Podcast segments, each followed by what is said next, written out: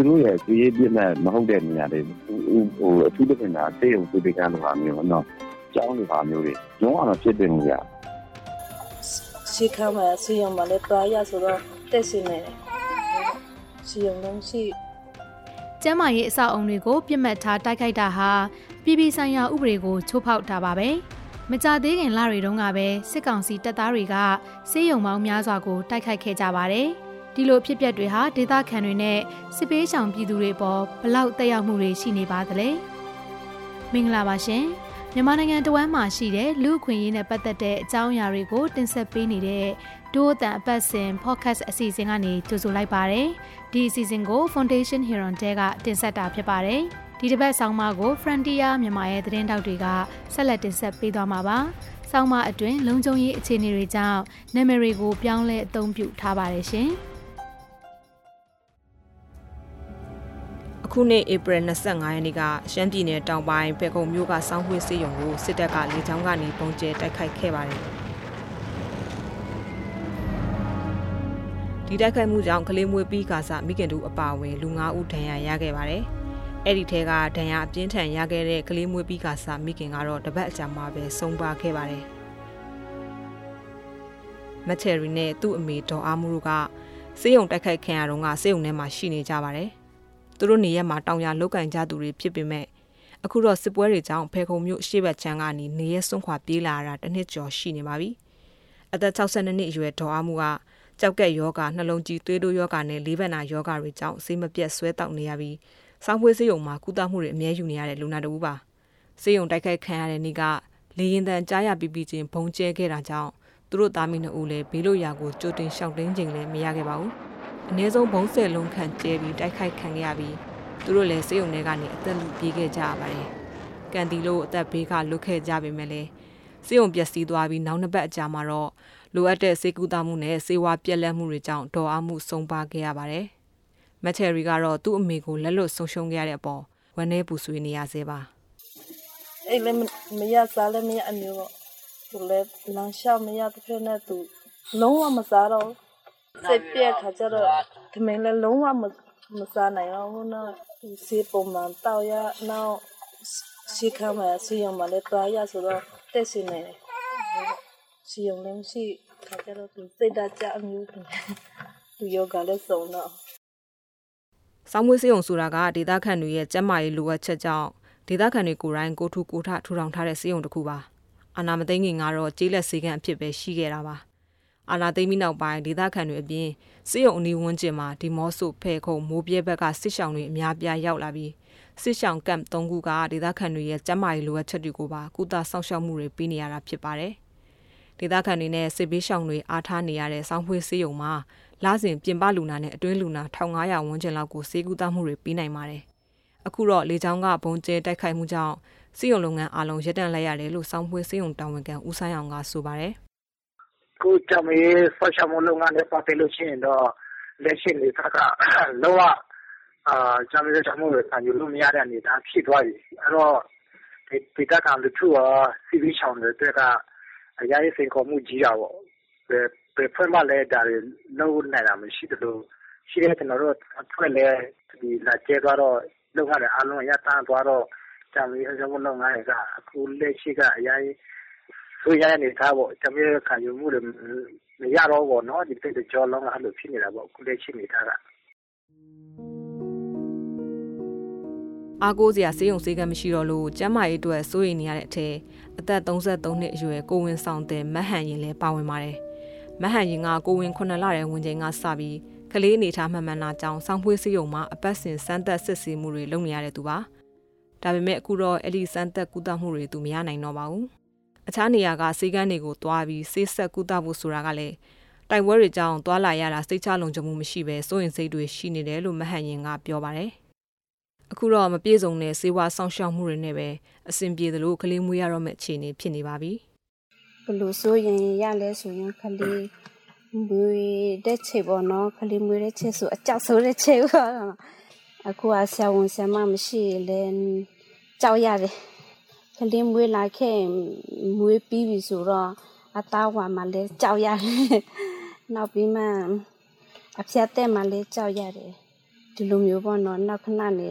မွေးလာပြီးရင်လည်းအရွှေအကြံခဲ့မှလည်းကြောက်ရတယ် မွေးလာမဲ့ကလေးအတွက်တင်မကပဲလမ်းလျှောက်တက်ခါစကျမ်းမာရေးချူကြတဲ့သမီးအကြီးအတွက်လည်းမဟန်ရင်ကစိုးရိမ်နေပါတယ်ခက်ခဲတိုက်ရောက်တယ်ဘာဖြစ်လဲဆိုရင်ဆောစေခန်းလည်းမရှိဘူးလေစေယုံလည်းမရှိဘူးဆိုတော့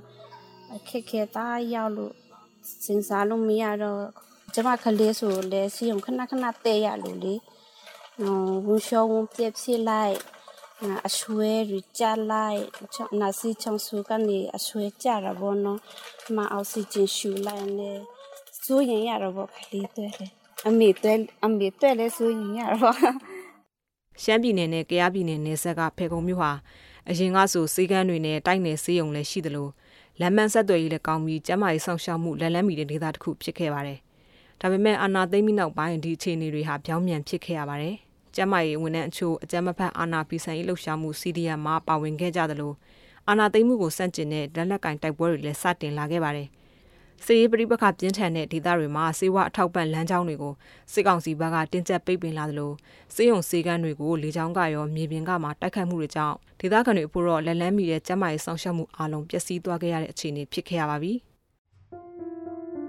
ကမ္ဘာအနှံ့ကကျန်းမာရေးလုပ်ငန်းတွေပေါ်ပြီးနိုင်တိုက်ခိုက်မှုတွေကိုမှတ်တမ်းပြုစုနေတဲ့ Insecurity Insight အဖွဲ့ကတော့မြန်မာနိုင်ငံမှာအာဏာသိမ်းချိန်ကနေအခုနှစ်မေလ31ရက်နေ့ထိတနိုင်ငံလုံးမှာကျန်းမာရေးဝန်ထမ်းတွေနဲ့ကျန်းမာရေးလုပ်ငန်းတွေပေါ်တိုက်ခိုက်မှု943ကြိမ်ရှိတယ်လို့ဖော်ပြပါတယ်။ဒီကြောင့်တိုက်ခိုက်မှုတွေကိုတော့စကိုင်းတိုင်းအထက်ပိုင်းနဲ့ကယားပြည်နယ်တွေမှာအများဆုံးလုပ်ခဲ့တယ်လို့ဖော်ပြပါတယ်။အဲဒီဒေသတွေမှာကျန်းမာရေးစောင့်ရှောက်မှုတွေလုံနိုင်တဲ့နည်းလမ်းတွေက အခြေအနေပေါ်မူတည်ပြီးလုပ်ရတဲ့ရွေရှားကျန်းမာရေးစောင့်ရှောက်မှုပုံစံဟာရွေးချယ်စရာတစ်ခုဖြစ်လာပါတယ်။ဒေါက်တာနန်းဝင်းကလက်နက်ကင်တိုက်ပွဲတွေပြင်းထန်တဲ့စကိုင်းတိုင်းပလဲမြို့နယ်မှာစေကူသားမှုတွေပေးနေတဲ့စီဒီအန်ဆရာဝန်တို့ပါ။သူနဲ့အတူအခြားစေဝန်ထမ်းတွေဟာလေကြောင်းတိုက်ခိုက်မှုတွေအပါအဝင်စေကူတာရေးလုပ်ငန်းတွေပေါ်တိုက်ခိုက်လာနိုင်တဲ့အခြေအနေတွေပေါ်စိုးရင်စိတ်တွေနဲ့အမြဲတတိမပြတ်ထားပြီးအလုပ်လုပ်နေရတယ်လို့ဒေါက်တာနန်းဝင်းကဆိုပါတယ်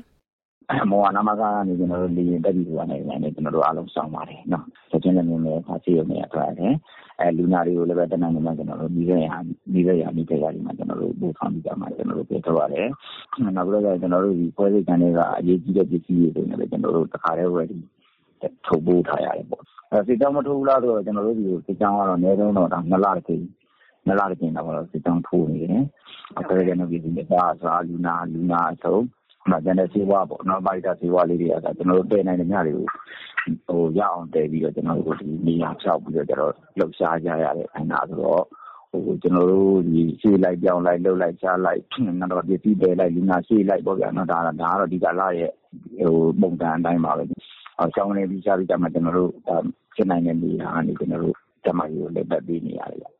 နိုင်ငံတကာဥပဒေတွေမှာတော့ကျမရဲ့လုပ်ငန်းတွေနဲ့အဆောက်အုံတွေကိုစီရေးပြစ်မှတ်မထားဘူးဆိုတဲ့တားမြစ်ချက်တွေရှိပါတယ်။ဒါ့အပြင်စေယုံစည်းကမ်းတွေကိုလည်းစီရေးရည်ရွယ်ချက်တွေအတွက်အသုံးပြုတာကိုလည်းတားမြစ်ထားပါတယ်။စောင်းမွေးစေယုံကိုလေကြောင်းကဘုံကျဲတိုက်ခိုက်တာနဲ့ပတ်သက်ပြီးစစ်ကောင်စီဘက်ကတော့တစုံတရာထုတ်ပြန်လာတာမျိုးမရှိပါဘူး။ဒါပေမဲ့စစ်တပ်လိုလာတဲ့ပြည်ပမီဒီယာသတင်းစာမျက်နှာမှာတော့ဒေသခံတော်လိုင်းသမားတွေဟာစေယုံမှာစခန်းချခဲ့တယ်လို့ဖော်ပြပါတယ်။စောင်းမွေးစေုံတာဝန်ခံကတော့ဒါနဲ့ပတ်သက်ပြီးညင်းဆိုပါတယ်။ စောင်းမွေးစေုံတိုက်ခိုက်မှုမဖြစ်ခင်တပတ်အလိုကဧပြီလအတွင်းမှာပဲနောက်ထပ်တိုက်ခိုက်မှုတစ်ခုဖြစ်ခဲ့ပါသေးတယ်။ဧပြီလ16ရက်နေ့ကစကိုင်းတိုင်းနဲ့မကွေးတိုင်းအဆက်ကမြိုင်မြို့နယ်မကြီးကန်ကြေးရွာကကြေးလက်တိုက်နယ်စေုံကိုစစ်တပ်ကတိုက်ခိုက်ရေးရဟတ်ရင်တွေတုံးပြီးလေကြောင်းကနေတိုက်ခိုက်ခဲ့တာပါ။တိုက်ခိုက်မှုပြီးတဲ့နောက်မကြီးကန်စေုံတွင်းကနေတော်လိုင်းအင်အားစုတွေရဲ့ G8 တွေလက်နက်တွေနဲ့ဘုံတွေတင်ဆက်ရမိခဲ့တယ်လို့စစ်ကောင်စီဘက်ကထုတ်ပြန်ပါတယ် မကြီးကစေယုံတာဝန်ရှိသူကတော့ဒီပြောဆိုမှုကိုညှင်းဆိုပြီးဒီစေယုံကဒေသခံတွေကိုထူကိုထားလှုပ်ထားတဲ့ကျန်းမာရေးလုပ်ငန်းတစ်ခုတက်တက်တာဖြစ်ပြီးဗတ်မလိုက်တဲ့စေကူတာမှုတွေသာလုပ်နေတာဖြစ်တယ်လို့ပြောဆိုပါရယ်။ဟိုကျွန်တော်တို့စေကန်းကကျွန်တော်တို့စေယုံကဟိုဘယ်လိုလူမျိုးတွေလာလာကျွန်တော်တို့စေဝါဆောက်ရှောက်မှုဥဒါမှုဆိုတာဘေးမှာရဲတွေလာခဲ့တယ်စစ်စစ်တပ်တွေကိုလည်းလာလာခဲ့ပြီတရားရလာခဲ့တယ်ဆိုရင်ကျွန်တော်တို့ပြုလို့ဟိုဒီတို့လာရဲဖို့လာဖို့ပဲလိုတယ် ဒီဆေးရုံထဲမှာ ကျွန်တော်တို့ လုံးဝတာဝန်ခံပြီးတော့ ကုလို့ဟိုအဲ့လိုမျိုးဆိုတော့ကြတော့ဟိုသူတို့ရဲ့စီးရေးပြည့်မဲ့မဟုတ်တဲ့ နေရာတွေ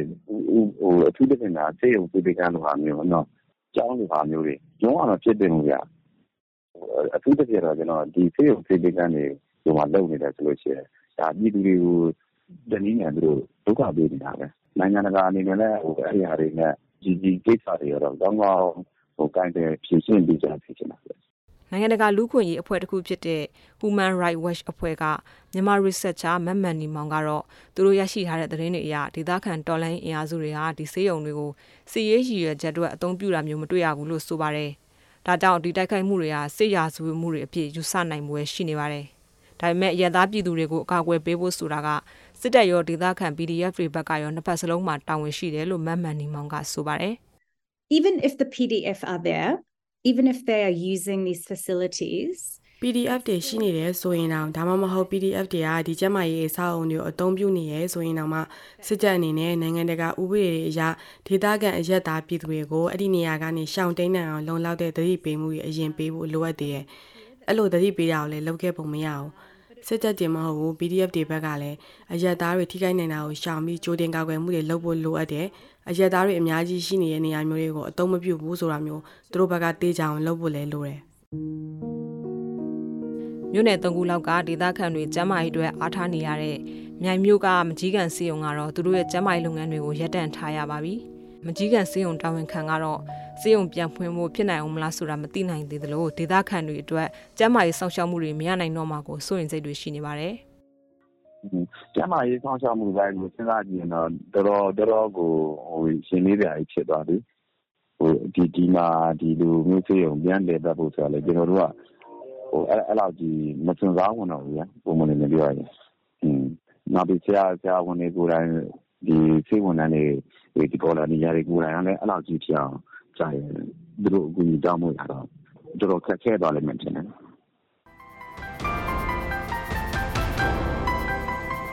ခုတင်ဆက်ပေးခဲ့တဲ့အစီအစဉ်ကို နားဆင်ကြရလို့ကျင်းနေမယ်လို့ဒိုးတန်အဖွဲ့သားတွေက မျှော်လင့်ပါတယ်။ဒိုးတန်အတန်းလွှင့်အစီအစဉ်ကို Frontier မြန်မာရဲ့ website နဲ့ Facebook စာမျက်နှာတွေအပြင်ဒိုးတန်ရဲ့ Facebook စာမျက်နှာ SoundCloud YouTube အိုင်ကျွန်းတို့ကနေလည်းဝင်ရောက်နားဆင်နိုင်မှာဖြစ်တယ်လို့ VOA ကထုတ်လွှင့်တဲ့ရေဒီယိုအစီအစဉ်မှာလည်းစနေနေ့ည9:00နာရီကနေ10:00နာရီတွင်းနဲ့တနင်္ဂနွေနေ့မနက်6:00နာရီကနေ9:00နာရီတွင်းမှာလည်းနားဆင်နိုင်ပါတယ်။ဒီအစီအစဉ်ကိုအလူရှင်တွေကပံ့ပိုးကူညီထားပြီး Frontier မြန်မာနဲ့ Foundation Heron Dero ကပူးပေါင်းတင်ဆက်ထားတာဖြစ်ပါတယ်။ဒို့အတန်အစီအစဉ်ကိုနားဆင်ပေးတဲ့အတွက်ကျေးဇူးတင်ပါတယ်ရှင်။